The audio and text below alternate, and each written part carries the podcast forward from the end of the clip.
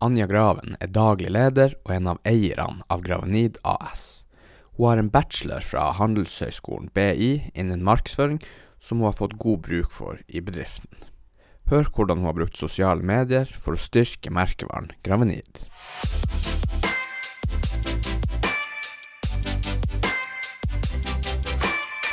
Velkommen.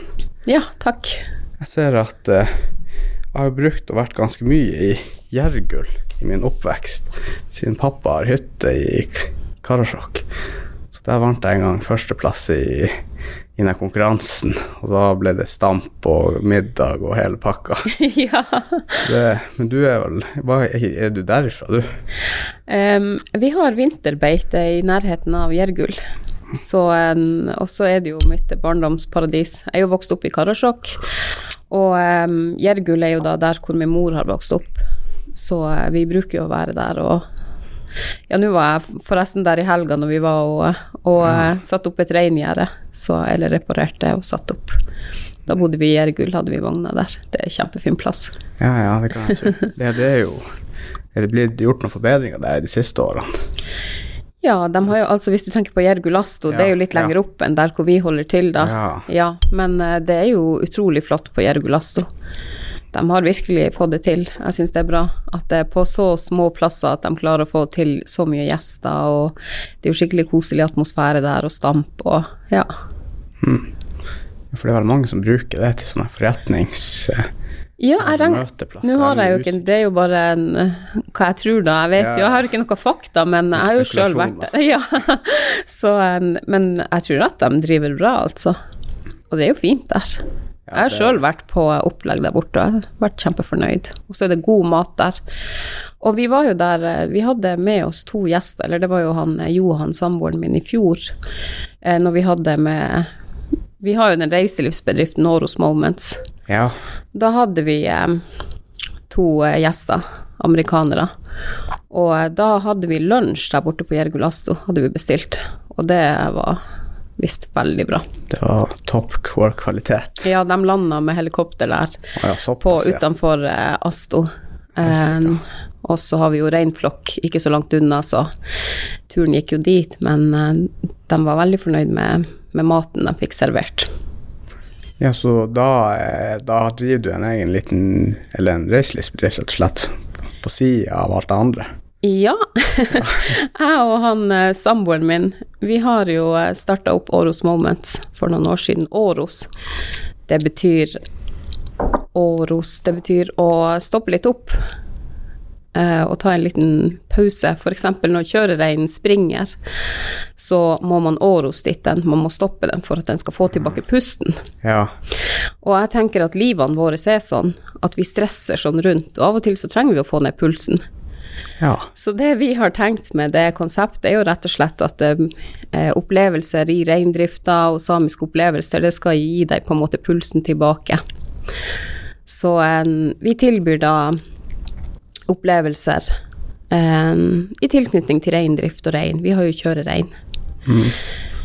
Og eh, akkurat nå så har vi jo Vi starta jo opp her i Alta. Men eh, vi har eh, hatt utfordringer med å finne et område å være på. Vi har rett og slett ikke fått noe regulert. Så foreløpig så Og det er litt dumt, fordi Åros Moments er egentlig bare en forløper til et mye større prosjekt ja. som eh, vi har veldig lyst til å realisere. Eh, Gjerne helst her i Alta, det, var, det er jo egentlig her vi vil realisere det. Eh, Det er et konsept som ikke fins fra før av. Man har noe lignende andre plasser, men ikke helt akkurat. Så jeg syns jo sjøl da at det konseptet er, jo- ganske, ganske spesielt og kult, da. Så Og muligens hadde det vært noe og, som hadde satt Alta enda litt mer på kartet, sånn opplevelsesmessig for folk, da. Men per i dag så står vi uten område til det, så det er også derfor vi har vært i Gjergull og ordna opp ekstra gjerde, for at nå må vi ha en plass å oppbevare kjørereinene våre, sånn at vi slipper å slakte dem. Sånn kjørerein, hva, hva det er? Det er da rein som du temmer. Man, man bruker kanskje 100 timer på å temme en rein. Såpass. For en rein er jo i utgangspunktet ganske sky, folkesky, da. Mm. Så da må man jobbe tett med dem, og så er det ikke alle som blir så tam, fordi de har jo også forskjellig lynne.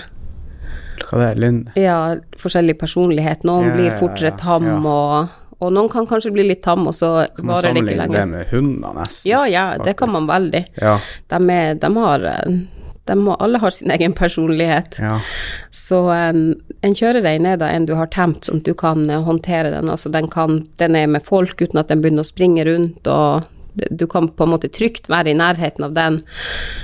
Så det finnes jo kjørerein som brukes både til kappkjøring, sånn race, og også til sånn vanlig kjøring med turister og barn, og hvor man tilbyr opplevelser, da. Så det er jo de kjørereinene vi har satsa på. Så er det blir eh, det store prosjektet du snakker om, blir det bare en oppskalert versjon av det dere holder på med i dag, eller er det noen hemmelige eh, planer dere har for fremtida? Ja, det er litt hemmelig foreløpig. Ja. Men eh, det, det er ikke, altså, det er ikke så, så hemmelig at det kan jeg si, det er ikke en oppskalert plan fra det vi gjør nå, for vi trenger et ganske stort område til det. Um, nå håper jeg at det er noen politikere som hører på, på for vi har jo, det er reguleringsplanen er jo oppe. Eh, og hvis man ønsker en sånn satsing her i Alta, så må man jo tildele områder. Eh, vi har vært i, i møter med kommunen om eh, hvor, hvor- det hadde passa å ha det. Eh, administrasjonen var positiv, men så gikk politikerne imot. Vi vet ikke helt hvorfor. Så vi håper at vi får regulert i denne reguleringsplanen et område da til det formålet. Men eh, det, er, det innebærer jo selvsagt rein. Eh, og de kjører reinene, men det, det er et helt annet konsept enn bare det med å treffe reinen litt. Uh, ja. Blir litt, litt mer eh, inklusivt. Litt mer å reise, kanskje. Ja, det blir, eh, det blir en mye mer helhetlig opplevelse, kan man si. ja, det har jeg Mm. Ja. Og nå så har du jo ikke det eh, sånn samisk reiselivskonsept som er helhetlig her. Det er jo bare en plass hvor du kan komme og oppleve eh, Samiside har jo fått kjempeflott eh, bygg og opplegg og og det er fint, de skal være der, men eh, det her er komplementært, det er litt annerledes. Ja, det er det her i overalt, da. Ja, Hva hva er egentlig det samiske side? ja, da får du samiske opplevelser og samisk mat og, og sånne ting. Eh, og det er jo for en litt sånn kortere tidsintervall, men vi tenker jo at gjesten skal være litt lenger, og skal virkelig få oppleve det samiske. Ja, så kan de bruke opp enda mer penger. ja. Og at de skal virkelig kunne Det skal bli en skikkelig Åros moment i livet deres, ikke bare i løpet av en dag. Ja, få hele opplevelsen, rett og slett. De skal få hele opplevelsen. Det kan være en plass hvor de kan få ned pulsen og få oppleve noe helt annet enn hva de gjør noen, noen andre plasser. Ja, det er jo ganske eksklusivt for eh, turister å komme hit og se det her nordlys, og enda få en sånn samisk opplevelse helt fra tjern. Eller ja, Ja. vise liksom hva, hva det gjelder, hva dere står for. Det, det tror jeg virkelig. Altså, en av grunnene til at vi også starta med det her, det var jo at når vi begynte å temme de her kjørereinene, så ble vi egentlig litt sånn fascinert over hvor, hvor spes, spesielt det er selv for oss. Vi er jo vokst opp med reindrift begge to, og har begge to drevet og temt litt kjørerein sånn når, i vår ungdom. Jeg gjorde det jo på, når jeg gikk på skolen.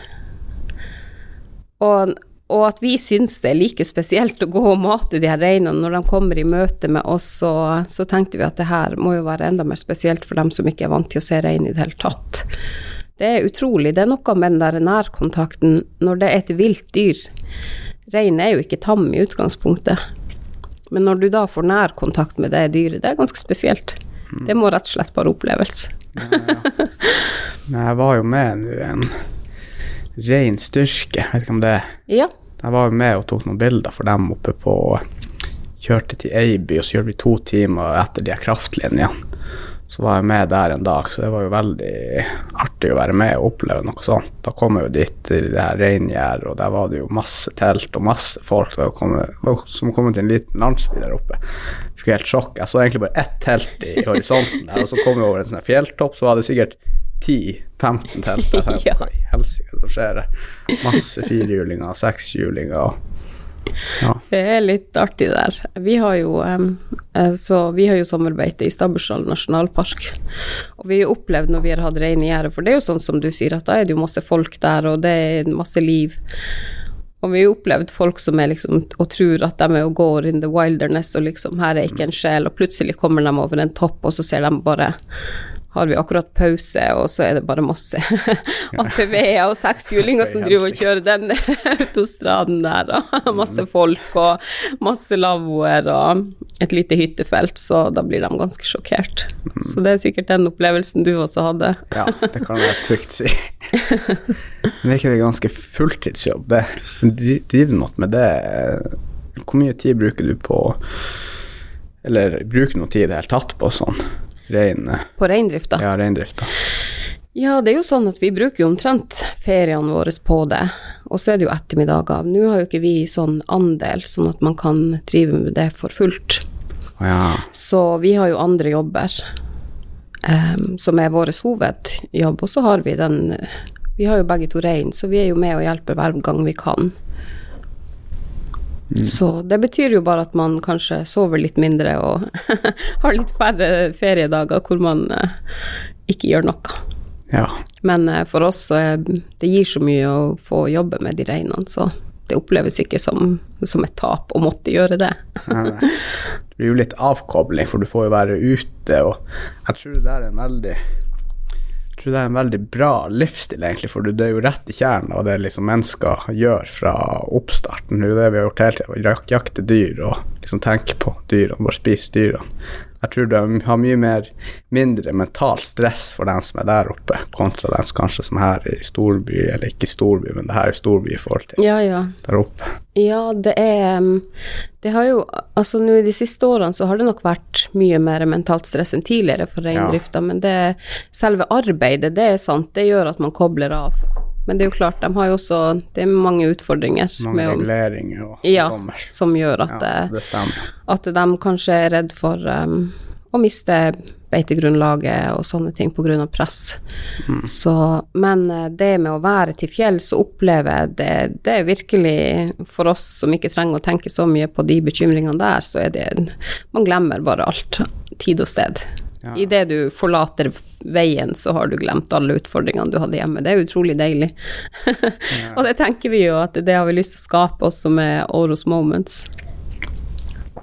Har dere noe eh, publiseringsdato på når Nei, dere må vel vente og se om dere får de reguleringene på plass først. Ja, vi må, vi må få det på plass, og så må vi drifte litt. Vi har jo begge drevet egne bedrifter, så vi vet jo det at eh, vi har ikke lyst til å bare bygge noe kjempestort uten å ha prøvd litt forsiktig fram. For du vet jo sjøl også at eh, det er jo når du begynner å jobbe at du egentlig oppdager alle behovene og utfordringer som du ikke tenkte på tidligere, så man må begynne å drifte litt da, før man kan eh, gjøre det virkelig, altså ta det virkelig store steget, da. Så man må begynne litt i det små. Det er vår tanke i hvert fall, for da vet vi akkurat hva vi trenger å investere, at ikke vi gjør feil feilinvesteringer, fordi det store prosjektet er jo ganske kostbart. Ja, bare kartlegge, kartlegge ordentlig først. Ja, fordi det er ofte ikke helt sånn som man trodde. Og så kan det også være at der hvor man så en mulighet, så var ikke kanskje den muligheten så stor, men så var det noe annet som funka mye bedre. Mm. Ja, Så så det- andre muligheter, rett og slett. Ja, så det med å komme litt i gang, og så begynne å drifte og se hvor alle behovene ligger. Så, men til det også trenger vi et ganske stort område, fordi at en rein den kan du jo ikke sette på en tre ganger tre meter Nei. plass. Trenger litt eh, springrom. ja, og det er jo snakk om dyrevelferd også. Så de må jo kunne ha en, et rent område å være på. Det, er ikke sånn, det er ikke sånn at vi kan ha dem i en bås. Nei. Nei. Det er jo greit at de får springt litt. Du ser jo de her eh, Det er jo mange Hva i USA så er det vel et eh, kaos på sånne her eh, slakterier. Ja. Alle står bare en meter, de her kuene står en meter, eller kyrne står en meter fra hverandre og har noen ganske dårlige kår. Ja, og det er jo ikke noe artig å drive heller, altså hvis man vet Hvis dyrevelferden er dårlig, sant. Så man vil jo at dyrene skal ha det bra. Og så er det jo også det at det er mye større fare for sykdom hvis de må gå veldig opp på hverandre, fordi de går jo og, og spiser fra bakken, holdt jeg på å si, ikke sant. Og det er jo ikke uten grunn at reinen er nomadisk, at, at den har beiteområder fra sommerbeite til vinterbeite. Den må jo ha fersk beite. Det er jo det som er sunt for, for reinene. Så vi skal jo bare ha dem sånn som vi har gjort det nå, så har vi dem fast bare vinterstid. Vi slipper dem på våren. Så nå er de lam i flokken og springer. Ja.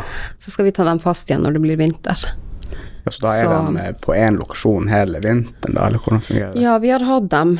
Eh, vi har jo hatt dem eh, fast, eh, altså sånn hele vinteren. Men nå har vi ingen plass å ha dem fast, så vi skal prøve å slippe dem til, til vår reinflokk, og så drifte fra Karasjok, da. Så det er jo litt dumt. Vi ønsker jo å gjøre det i Alta, men i, mi- i eh, den eh, tida hvor vi venter på en løsning, så må vi i hvert fall gjøre det sånn, sånn at de reinene kan um, slippe å bli slakta. Ja, ja. Men så var det ikke også litt um, De måtte drive og fly opp med fôr til reinene denne vinteren, var det? Ja, ja til sist vinter. Ja, det var ganske, det var ganske dårlige værforhold som gjorde, utgjorde en, en beitekrise, som de kalte det for. Og da eh, måtte man tilleggsfòre reinene. Vi gjorde også det. Og det er jo bra at man har muligheten til å tilleggsfòre for å ta vare på den flokken. For at det dårlige år har det jo vært. Det kommer jo innimellom, ikke sant. Men eh, nå kunne man gjøre noe med det. Så det var jo kjempebra at, eh, at folk fikk tilleggsfôra flokkene sine, selv om det var hardt, veldig hardt år for reindrifta. Ja, for de hadde bare dødd ut, egentlig, hvis de ikke hadde fått Ja, det hadde vært vanskelig å overleve. Mm. Er det ofte det skjer at det er mangel på fôr? Nei, det er jo akkurat som hvis du tenker på været, ikke sant. Du, plutselig får du en vinter hvor det er masse snø. Ja, det var jo ekstrem den vinteren vi var i. Ja, så, eh, men det er ikke, man kan ikke si at det er ofte, men eh, jeg vet, forrige gang hvor det var skikkelig ille, var vel kanskje på 90-tallet, så Ja, så lenge siden, altså. Og så er det kommer litt an på hvordan område man tilhører også. Noen beiteområder er ekstra sårbare, andre beiteområder de har litt forskjellig sånn vegetasjon, og derfor blir de ikke så sårbare. Så det er veldig individuelt også.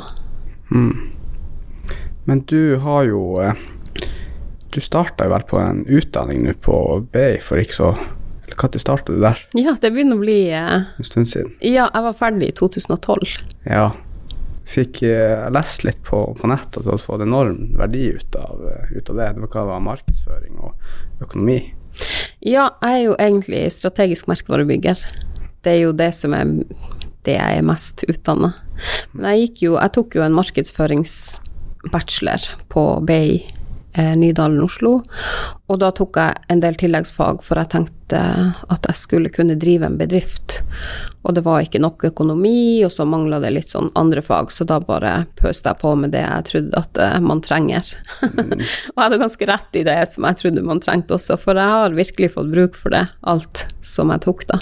Ja, for du tok den spesifikt for å forbedre gravenid. Ja, jeg gjorde det. Eh, for da var det jo mamma som drev eh, Gravenid. Når jeg begynte på skole, så drev hun det som et enkeltpersonforetak. Det heter Gravenid Doit, Ja. som er Gravens håndverksprodukter. Og så endra vi da til Gravenid AS. Eh, det ble et aksjeselskap etter hvert. Så det var derfor, for jeg hadde lyst til å jobbe med det. Og eh, vi hadde ikke den biten Det var ingen av oss som hadde på en måte økonomi eller markedsbakgrunn.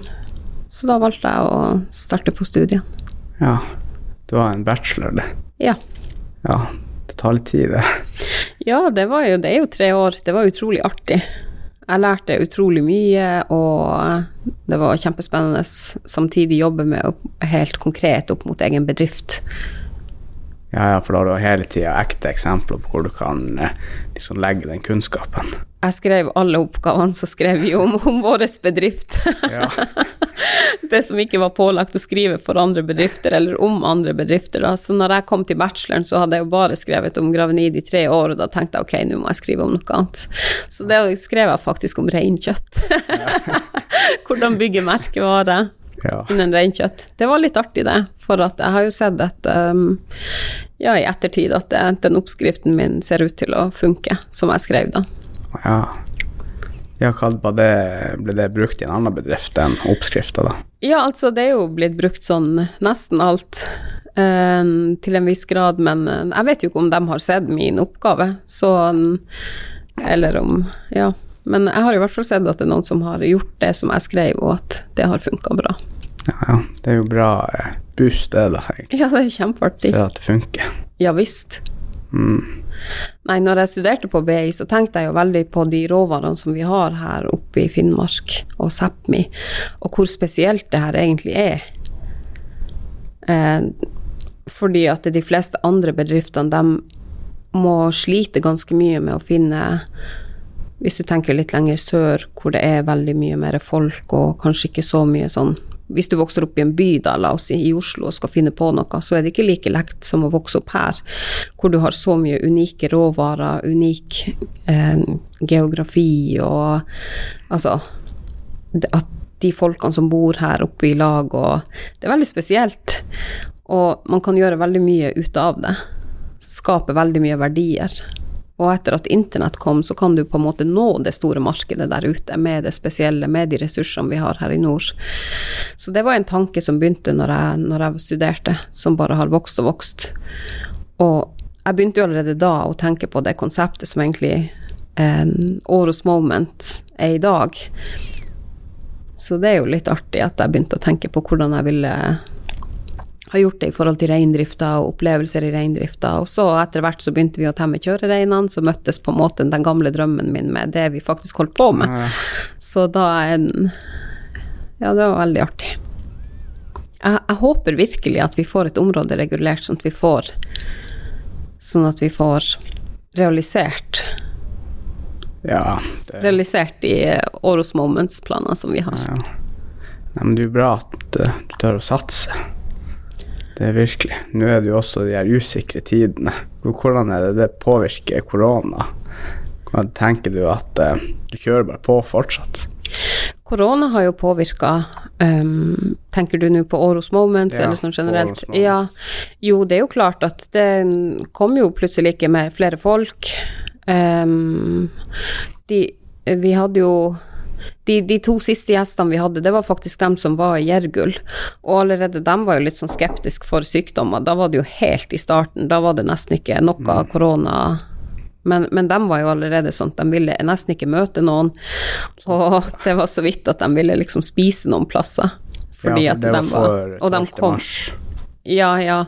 Ja. Men, men da, hadde, da var det jo allerede noen tilfeller av korona. Og etter at det vi, vi så på en mulighet i forhold til litt mer kanskje masseturismen her i Alta, men den stoppa jo også opp. Mm. Det var på en måte et annet bein som vi kunne stå på. Vi hadde jo fått noen forespørsler, men eh, det ble jo ikke noe av når koronaen kom. Men jeg tror nok at det tar seg opp igjen. Eh, og vi har jo fortsatt norske turister. Så mm, helt dødt tror jeg ikke det blir. betaler de norske turistene like godt? Det er kanskje det som er problemet. Nei, ja, jeg tror kanskje de vil ha ting på en litt annerledes måte. Eh, men vi har hatt eh, norske gjester. Vi hadde faktisk flest norske gjester. Å ja. Mm. Så jeg tror det kommer litt an på hvilket tilbud man har. Men det krever mer. Mm. Og det syns jeg bare er riktig. man skal Ja, levere et godt produkt. Det er jo sant, for da Ja. blir man utfordra litt, og da leverer mm. du jo et bedre produkt da, etter du har fått litt tilbakemelding. Absolutt. Så Men eh, vi har jo hatt en periode hvor vi har prøvd ut litt forskjellige i litt, Vi har prøvd å ha litt grupper og utenlandske grupper, og så har vi hatt litt innenfor cruise, altså bare noen sånn hvor vi har fått det via turistinformasjon. Men det vi ser at vi både er best å levere på, og som det kanskje er et størst tomrom på markedet, det er jo de mer eksklusive sånne private turer hvor vi har de to som kom med helikopter, som blir med oss til flokken, som får treffe våre kjørerein. Så jeg tror nok at Og det klarer vi også å levere nå, selv om vi har reinene der borte. Så det er det vi kommer til å satse på framover. Det blir ikke den her daglige hvor folk får komme og se reinen, men det blir litt større, altså hvor det er noen som ønsker å bare dra og oppleve det samiske. Veldig sånn private. Så drar de da fra flyplassen her, da. Ja, de kan komme hit, altså vi kan ordne transport fra de lander. Mm. Så har dere en avtale da med Helligtrans eller lignende? Eller? Vi har jo jobba Eh, vi har, tidligere så har vi jobba med andre turoperatører, så det er jo dem som ordner alt helt til gjesten står sammen med oss. Å ja, ok. Mm. Og da har vi jo Ja, og i denne perioden, vi har hatt en prosjektperiode hvor vi har sett på ulike markeder som er interessant for oss. Og, um, og da har vi jo også kartlagt utenlandske aktører og norske aktører som tilbyr sånne hva man skal si, spesialturer for uh, folk som vil oppleve noe eksotisk. Ja, for det blir jo litt sånn eksklusivt, og kanskje for dem som har stor kjøpekraft, det er liksom det dere satser på, da. Ja, mm, det er dem. Det er jo greit. Og sånn som Ja, og sånn som drifta vår er nå, så er det bare det som går også. For vi kan ikke Vi har ikke reinene her, så vi kan ikke ta den daglige Vi kan ikke tilby at folk kommer til oss sånn på ettermiddagen for å mate rein og være nært rein. Men det kan de på en Elta side, altså. Mm. Så det tilbudet fins her. Men eh, hvis de ønsker litt mer eksklusivt, så er det Da kan vi tilby. Men hvordan får du tid å eh, drive med gravenid på sida av det her? Det er vel kanskje hovedjobben? Ja, gravenid har jo vært min hovedjobb helt siden jeg var ferdig, ferdigstudert. Men jeg har jo hele tida hatt andre prosjekter. Um, Jeg har jo et enkeltpersonforetak også. Ja, jeg får fortelle litt om det. Men, men, um, men um, jeg har jo vært daglig leder for Gravenid helt siden det ble et, eh, etablert aksje, som aksjeselskap. Og er jo det fortsatt. Så det er jo det som er min daglige jobb. Men eh, jeg syns det Altså, det gir meg veldig mye energi å jobbe med andre ting. Ja, at det ikke bare blir det samme. Ja. Og så har det jo vært perioder hvor det er litt ehm, Hva man skal si Det har jo vært Det er jo en sesongbasert bedrift. Vi, vi er jo egentlig selger jo mye mer på vinteren enn på sommeren. Um, men vi har jo Vi hadde jo funnet våre inntektskilder for å holde omsetninga også oppe på i de månedene hvor det egentlig ikke er så kaldt. Men nå når koronaen kom, så mista vi de inntektskildene. Ja, hva det var? Det er jo eh, Vi bruker å være på messer, og så bruker vi å være på festivaler. Ja, Og ja, nå, ja. Så eh, absolutt alt blir jo avlyst helt eh, siden i vår. Så det har vi jo kjent, virkelig kjent på. Og i tillegg til det så har vi jo hatt eh, et annet Ja, vi har levert til butikker som igjen selger til turister. Og der gikk det jo også salget ned. Mm. Så det er litt sånn det er å være gründer. Når du akkurat har funnet Akkurat har funnet ok, nå har vi inntektskilder hele året, ikke sant, ja, ja. Så, så skjer det noe.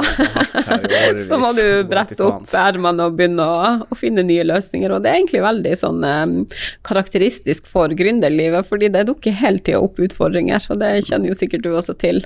ja, Så man skal ikke tro at det blir plankekjøring. det sånn er egentlig bare slokke branner overalt. Det er det som man jobber som hele tida. Ja, men av og til så kommer man litt ovenpå. Så vi er jo, Ja, ja. det er jo klart, vi er jo kommet litt ovenpå, men um, koronaen var jo et, et, et lite slag i trynet for, for vår del i Gravenid, med, med akkurat det der at vi hadde klart å få inntekt uh, også i sommer-, vår- og høstmånedene. Ja, det har jeg opplevd sjøl, at det kan være veldig opp og ned i perioder. Noen perioder så er det masse arbeid og nok å gjøre, og plutselig er det bare helt dødt. Og så ja,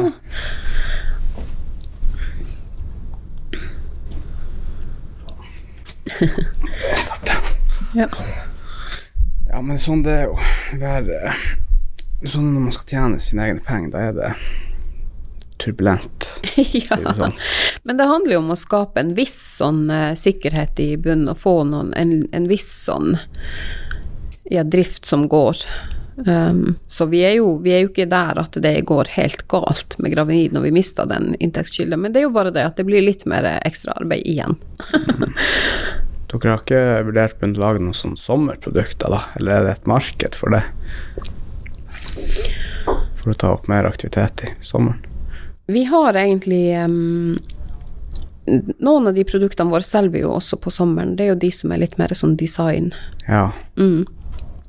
Men samtidig så har vi Det er fortsatt et stort marked å mette i Norge, så vi må nok jobbe bare litt mer på markedssida, sånn at vi kan selge enda mer på vinteren, for vi dekker jo vi, vi selger jo til hele Norge, men det er jo langt ifra alle i Norge som vet om oss. Så Ja, det er jo fortsatt en, en god del å ta der, istedenfor produktutvikling er veldig dyrt. Det er Hver gang du skal lage et nytt produkt, så en- tar det veldig mye ressurser. Mye mer enn man tror. Eh, og så er det hele pakken. Det er ikke bare å lage et nytt produkt, du må finne råvaren til det, og så må du utvikle det. Og så sette det i produksjon, og så må du finne produktnavn og ta produktbilder og promotere det. Kanskje du må inn i en helt annen type butikk for videresalg, fordi det er plutselig et annet produkt enn hva man har i dag. Altså, det er mye å tenke på. Så det med å selge mer av det man har, det har jeg veldig trua på. Hvor mye produkter har dere nå? Vi har jo um, landa på at vi er en leverandør av hverdagsklær, altså varme hverdagsklær av ull. Eh, Vi har, lu, vi har tilbehør som er sånn luer og hals, skjerf, og så har vi ullbukser og ullgensere. Og så har vi litt babyprodukter. Og det er egentlig det. Ja. Men det er jo det vi er mest kjent for. Det er jo ullbuksene våre, cardiganene våre, og ja, det vi selger mest av, er jo faktisk lue og hals. Vi har jo produksjon både i Alta og i Karasjok. ja. Kan jeg spørre om hvor mye av inntektene kommer fra nettbutikk kontra forhandler? Eh, vi begynte jo ikke med forhandler før i fjor, Ja, ja. som for alvor. Ja. Men uh, jeg tror faktisk nettbutikken og forhandler var omtrent det samme i fjor. Så mest, definitivt mest har vi solgt direktesalg til kunder via Altså på På um, Når vi har vært ute og solgt. Pluss butikken her i Alta. I julemåneden. Mm. På vinteren. Det er jo veldig bra at dere har nettside, så at folk Da er dere heller ikke avhengige av de her eh, forhandlerne. For de har ganske mye makt, har ikke de det, hvis de bare bestemmer seg for nei, nå skal vi kutte ut et produkt i årets butikk og lage det sjøl, f.eks. Ja, men vi er litt heldige der, for vi er ikke, det er ikke så lett å lage de produktene som vi lager. så eh, eh, jeg tenk, når jeg starta å jobbe med Gravenid, så tenkte jeg nei, vi må selge alt sjøl, fordi de skal ha så mye for å selge våre varer. Altså, de spiser jo av overskuddet, Er tenkte det jeg. sånn 30% eller? Ja, det er jo nesten minimum. Ah, ja. Eh, men det er jo klart, har du et spesielt produkt som de virkelig vil ha, hvis forbrukerne begynner å etterspørre det, produktet i butikk, så blir det jo litt sånn at da tar de inn, selv om de får litt dårligere vilkår, og så er det ganske mange som er litt sånn, har en tanke bakom at ja, vi ønsker mer norskprodusert, um, så ok, vi kan gå litt dit, vi trenger ikke å tjene så mye på det her produktet, men samtidig så må de jo tjene. Så de, vi er nok en av de produktene som de tjener kanskje dårligst på. Um, men samtidig så ønsker de å ha oss inne fordi det er norskprodusert, ikke sant, det er bærekraftig, det, folk vil ha det, og de vet jo også det at hvis de kjøper hos oss, og hvis vi vokser, så klarer vi å gi dem bedre priser. Og, og det er sånn vi har gjort det også, jeg har gitt dem bedre priser. Så vi starta egentlig ganske langt nede. Men eh, det er da dem som ønsker norskprodusert, og som har en sånn liten god tanke bak det, som eh, tar inn varene. Eh, og da har jeg vært åpen med dem. Klarer vi å selge mer, klarer dere å selge mer, så får dere bedre priser. Og det har jeg gitt til dem etter hvert som vi har klart det. Så det er på en måte et lagspill eh, sammen med dem. Så det har vært veldig artig. Eh, fordi i Tromsø så er det jo flere butikker som selger gravenidprodukter, og de har solgt godt. Ja. Og da har jeg også gitt dem bedre priser etter hvert. Og de forstår jo det, at vi må jo også leve av det her. Så eh, det er jo ikke vits å, å gjøre det hvis ikke du kan ta ut lønn. Er det mange plasser i landet dere har forhandla, eller er det Tromsø oppover? Det er egentlig stort sett Tromsø, og så har vi jo Vi har eh, på Snåsa, og så har vi litt utafor Oslo. Men eh, det er Tromsø som er dem som selger virkelig mest for oss. Eh, resten av landet har vi egentlig satsa veldig på nettbutikken vår. Og det har også vært litt vanskeligere å selge inn produkter i resten av landet. Ja. Eh, Tromsø Jeg har jo prøvd, men det er litt verre. Fordi at det, det samiske er litt ukjent, og for det om våre klær ikke er utprega samisk, så bare jeg sier at jeg er fra Karasjok Eller hvis de går eh, Altså ja, at man sier at man også har samisk design, og det er et samisk klesmerke, så blir de litt sånn om de kan bruke det.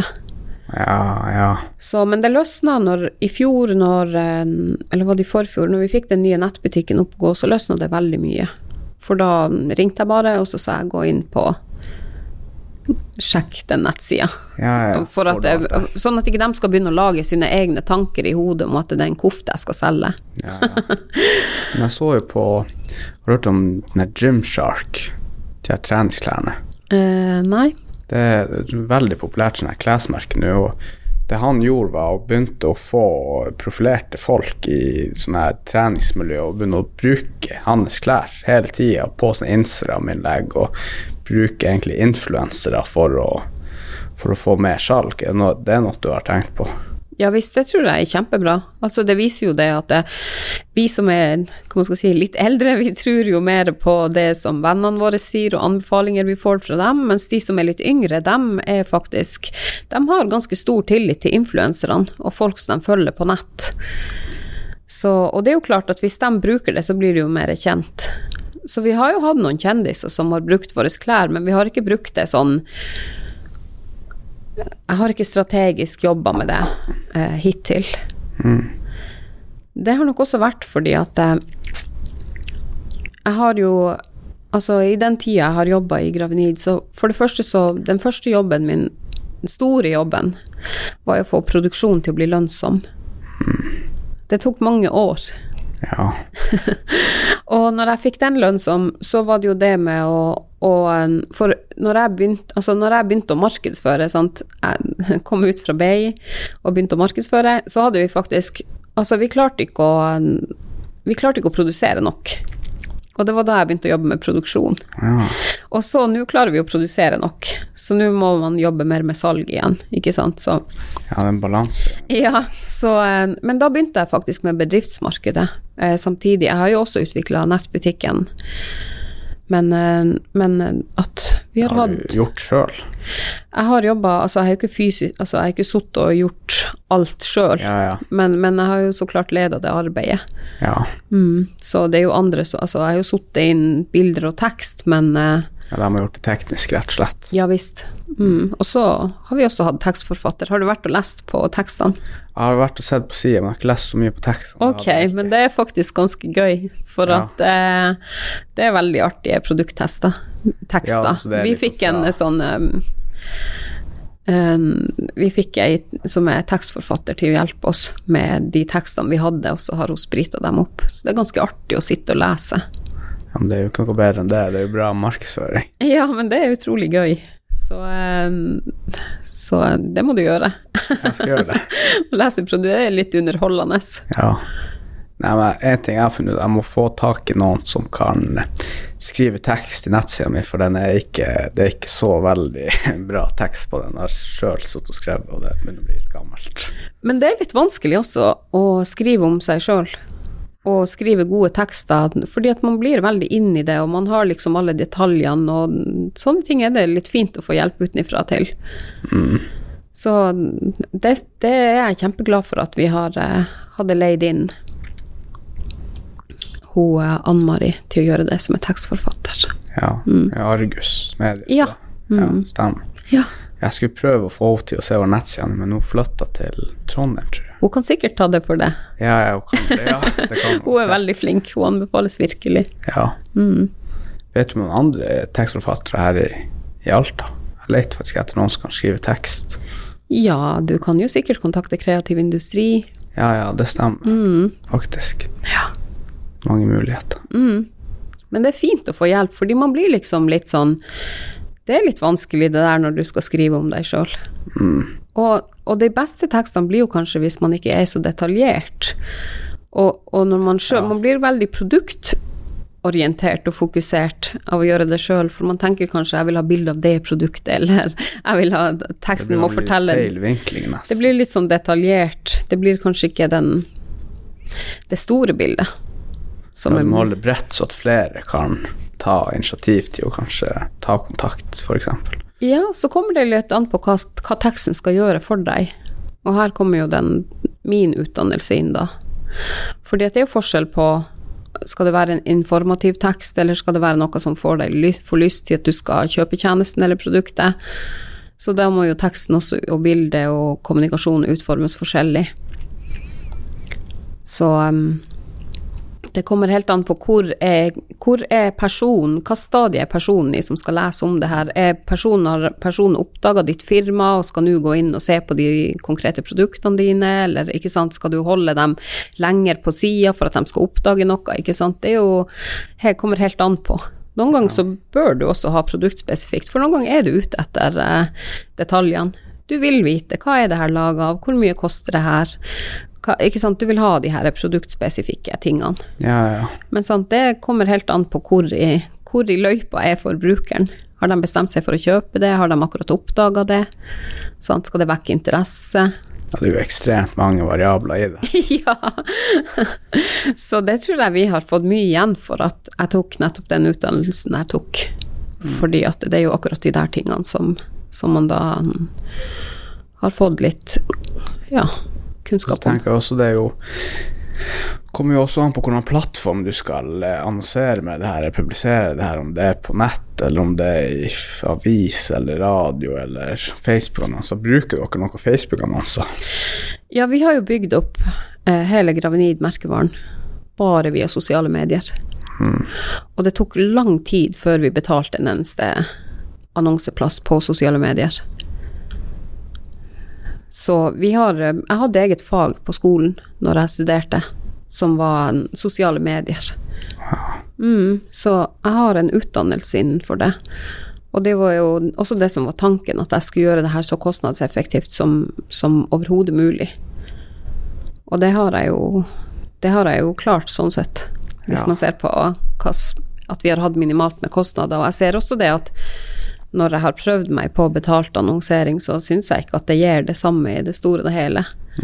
Men jeg tror at hvis du virkelig skal få suksess i sosiale medier, så må du også tørre å gi av deg sjøl. Ja. Og du må tro på produktet ditt. Det er for Hvis ikke du tror sjøl på det, så ser andre at ikke du tror på det, og da funker det i hvert fall ikke å selge. Ja, og derfor er det også viktig at du trives med det du gjør, at du har det bra på jobb, ellers så får du ikke til heller den kommunikasjonen via sosiale medier. Nå har du prøvd noe TikTok, da? Nei, jeg har ikke prøvd TikTok. Men eh, når jeg Jeg har jo det her en, en enkeltpersonforetaket mitt, hvor jeg har eh, et engasjement for Parksenteret. Ja, ja, ja. Og jeg satte meg litt inn i TikTok før jeg starta med det, for at jeg bare Da satt jeg og fikk litt sånn ny giv til å utforske om det var noen plattformer som kanskje man kunne bruke litt mer av for eh, Men eh, jeg har ikke brukt Jeg har bare vært der og, og prøvd å komme litt inn i TikTok-verden for å forstå hva som egentlig skjer der. Men jeg har ikke brukt det. Vi har sjøl også prøvd noen Laga noen videoer der, men vi har ikke fått det helt til ennå. Så det har blitt lagt litt på hylla foreløpig. Jeg tenker at det er viktig å tenke på hvilken målgruppe er det man ønsker å nå. Og er vår målgruppe, er, når vi dem best på TikTok? Men det som jeg opplevde med TikTok, det var jo det at vi, vi som bedrift så må man jo prøve å kommunisere. Hvis du ønsker oppmerksomhet, så må du jo finne noe. Hva er det som engasjerer folk? Og de svarene får man veldig mye av på TikTok. Hva er det folk syns er gøy? Ja. Hva er det folk lar seg rive av med? Og det kan du på en måte løfte over i en annen plattform. Du trenger ikke å gjøre det på TikTok. Nei, Men TikTok er forteller litt om hva er det folk egentlig syns er gøy, og hva er det folk eh, lar seg rive med av og Mm. blir fascinert av og sånn. Hva er det de liker? Ja, ja.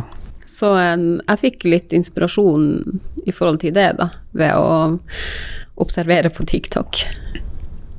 Men jeg tror også at eh, det kan jo være at um, ikke sant, Siden nå at ja, målgruppa mi er ikke på TikTok, og, men jeg tror hvis man bygger en solid base på TikTok Nå vet man jo, nå er du veldig usikker pga. USA-greia, at de kutter ut TikTok, så kan det være at det ikke blir noe av det i det store og hele. Men liksom, sånn var det jo med Instagram også. Det, da sa jo alle ja, nei, det er jo bare fotografer som er der, det er jo ingen andre som er der. Og nå er det TikTok, ja, det er bare unger som er der. Og Facebook, da var det jo også noe Det er bare studenter som er på Facebook, ikke sant. Så plutselig er plutselig veldig mye mer på TikTok, og da hvis du har en bra base, så er jo det ekstremt bra. Men nå gjør jeg jo ikke det sjøl, så bare gjør det sjøl hvis jeg skal, skal oppfordre andre til å bruke det. Jeg tror at hvis man ikke skal henvende seg direkte til en veldig ung målgruppe, mm. så tror jeg ikke at det er vits å bruke så mye ressurser. Nei. Men samtidig er det fint å følge med for å se hva er det som fenger folk, for det er det, det man vil med kommunikasjon. Man vil jo at folk skal Oi, det her var kult, det her, de her vil jeg følge. Mm. Altså, man vil jo at folk skal følge deg fordi at de har lyst til det. Fordi at de tenker oi, wow, her kommer det jo Det her er jo artig. Det her er jo Det gir meg noe, eller det er underholdende, eller det er spennende, eller det er interessant, jeg lærer noe. Mm. Absolutt. Mm. Jeg sitter litt for mye på TikTok, egentlig. Brukte du å lage sånne dansevideoer? Nei, nei, Har du øvd deg i den tra trappevideoen? det skulle man egentlig fått til. det er mye potensial der. Det ser jo så lett ut. Ja, det gjør det. Men det er ikke det. har skjedd noen sånne her fails, at de bare Alt går helt til faens når de gjør det. Ja. Ja. Nei, men det er jo viktig å være til stede i sosiale medier, det er jeg jo helt enig i. Det er jo der det skjer. Facebook, Instagram og ja. Absolutt, det er kjempeviktig. Altså, det er jo, vi, tenk på hvor mye vi er på nett per i dag. Så vi er så mye på nett. Så hvis man skal nå folk, så når man dem jo best på nett.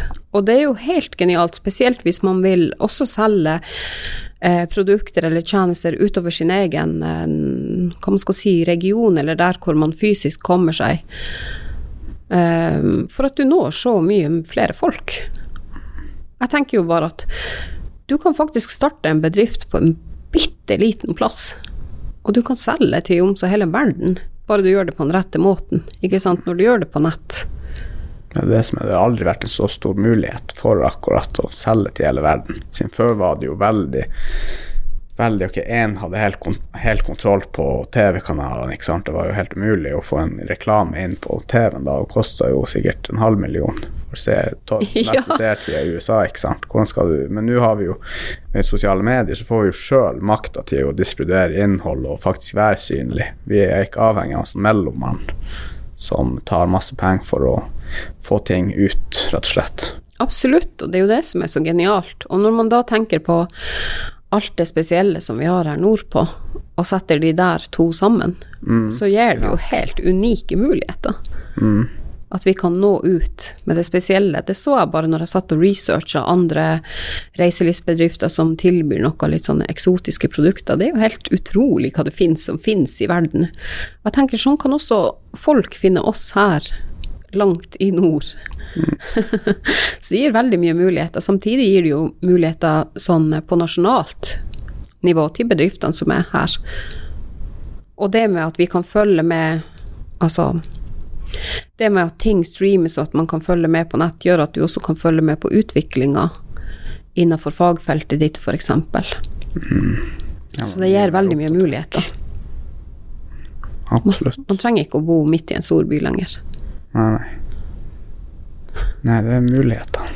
Absolutt. Jeg ser det sjøl med sosiale medier. Du, det er jo kanskje eneste grunn til at det går bra med media, i hvert fall at man er aktiv der. Og det, vi har jo hatt enormt mye ut av det, sosiale medier.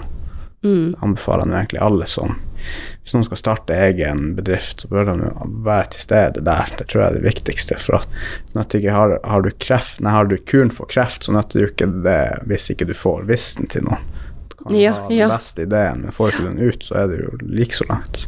Mm, det er helt sant. Og det er den som når, når, ut med budskapet best, som på en måte vinner. Altså, mm. det trenger ikke engang å ha det beste produktet, ja, faktisk. faktisk. Nei, du ser bare... Wish, for eksempel. ja. De har jo blitt raskest voksende sånn der i, hand, nei, i groceries, eller hva det ja, i commercial. Ja, ja. ja. I hele verden. Og de selger jo bare dritt. Ja. Faktisk. ja. Nei, det er, det er, utrolig spennende, det der. Og det, det er jo også det som um, var kanskje det jeg brant mest med, altså som har som bruker å engasjere meg mest i forhold til det, mine studier. Jeg syns det er utrolig artig å jobbe med akkurat de her tingene. Markedsføring og kommunikasjon og strategien bak.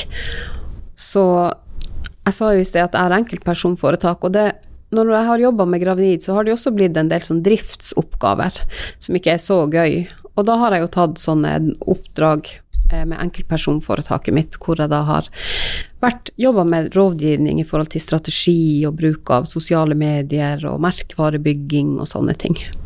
Ja, for jeg ser jo du, du er jo veldig aktiv på denne parksenteret. Det er jo hele tida noe nytt der. Ja, jeg Hvor går det prosjektet? ja, jeg begynte jo i, um, i juni. Det er jo et oppdrag jeg har ut året eh, i det enkeltpersonforetaket mitt. Så em, Og det er kjempeartig, fordi Parksenteret er jo Jeg syns jo at det er kjempeviktig med lokalt næringsliv. Og det var en av grunnene til at jeg hadde lyst til å jobbe for Parksenteret. Men når jeg begynte å jobbe der, så oppdaga jeg jo at det, her er jo en Det er så mye her som man ikke vet om, altså så mye positivt. Parksenteret er så mye mer enn hva i hvert fall jeg visste, eller hadde kunnskap om før jeg starta der. Og det fortjener dem at det skal De skal skinne som det de fortjener å skinne som. Det gjør de ikke i dag. Eh, For eksempel så er Parksenteret full av fagkunnskap og tjenester. Så det er så mye fagkunnskap på Parksenteret, og det er så mye tjenester de yter, at det er ikke et senter med butikker. Det er et senter proppfullt av fagkunnskap og tjenester. Ja, ja. Og det syns jeg jo bør kommuniseres bedre. Så den jobben er jo starta, og det er jo fint at du syns at eh, man ser Parksenteret mye, for jeg, jeg har jo jobba litt med synlighet, men samtidig har vi jo et prosjekt på gang med å fornye Parksenteret. Og få Parksenteret til å skinne som det det bør skinne som. Mm. Du har jo altså Tenk at de har et fullverdig sykkelverksted der. Du kan få printa ut bilder. Du kan få digitalisert gamle filmer og bilder. Du kan få De har skredder. Ja, ja. Skomaker. Altså, de har en skomaker. Og, og på Montana så kan du få gravert eh, masse, masse gaveartikler, altså så, hvor, hvordan du ønsker det. Og, og så har de jo også Hårek, hvor de også har både en frisør og sånn skjegg eh, Altså Jeg vet ikke hva det kalles for igjen. Men i hvert fall, ja. Det er sånn at skjegget skal gro. Nei da, men de bare eh, Som barbertjenester, altså at de Ja, ja. ja. Barbershop. ja, ja, ja, nemlig. Em, og så har man jo også Østlingen der, som er virkelig et bakeri som Alta bør være stolt av. Bakeriutsalg der. Ja, ja. Og så har de eh, nå også blomsterbutikken, og de lager jo blomster til all slags anledninger. Og, altså blomster De har jo også masse interiørdesign. Mm. Men det ja, er så den fra scratch. og så har du Kilden, dem har jo du her, og de har jo bare masse kunnskap og veileder folk i håndarbeid og altså kan fortelle deg akkurat hva du trenger av råvarer hvis du skal lage noe. Så det er en vanvittig fagkunnskap på hele parksenteret. Ja. Og um, det tenker jeg at man skal være litt klar over. At, eh, at hvis man vil, eh, vil ha sånne tjenester, at de gjør på en måte Alta litt mer levende. At man har sånne tjenester. Og da må man også benytte seg av det. Men for å benytte seg av det, så må man jo vite om det. ja. Og det er jo det som er da min jobb på, på Parksenteret. Hmm.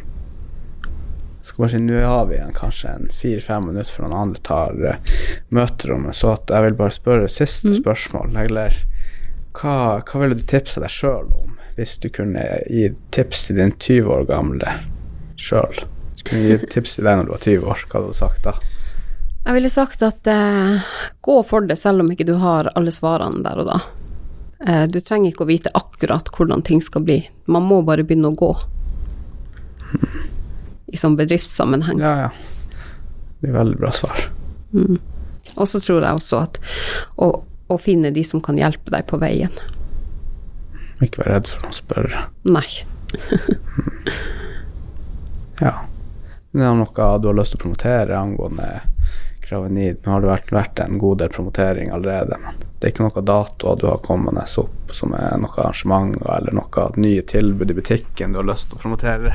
Ja, vi har jo altså Jeg vil jo anbefale folk å starte å handle lokalproduserte julegaver nå allerede, sånn at eh, Sånn at vi kommer oss eh, enda fortere i gang. Eh, som oftest så eh, starter jo julesalget ja, etter at snøen er kommet og man er litt nærmere jul, Mm. men det kan være smart å være litt tidlig ute også, for å få sikra de spesielle fargene som ja, det er litt flere farger å velge mellom, og litt flere variasjoner å velge mellom hvis man er tidligere ute. Mm. Og så, hvis jeg skal si noe Ja, for alle de her bedriftene, håper jeg at det er noen, enten noen som har et område som de tenker kunne passa kanskje vårt konsept, kan ta kontakt med oss, meg og Johan, i forhold til. Åros Moments. Eller politikerne kan regulere et område til oss. Og i forhold til det enkeltpersonforetaket mitt, så kan jeg jo bare si at det, det er bare å ta en telefon hvis det er noen som Open tenker at for de business. Ja, ja. Ja, Nei, men det var jo veldig bra. Så vil jeg bare takke at du tok deg tida ut av dagen og kom hit og snakke litt. Veldig hyggelig. ja. Tusen takk for at jeg fikk komme.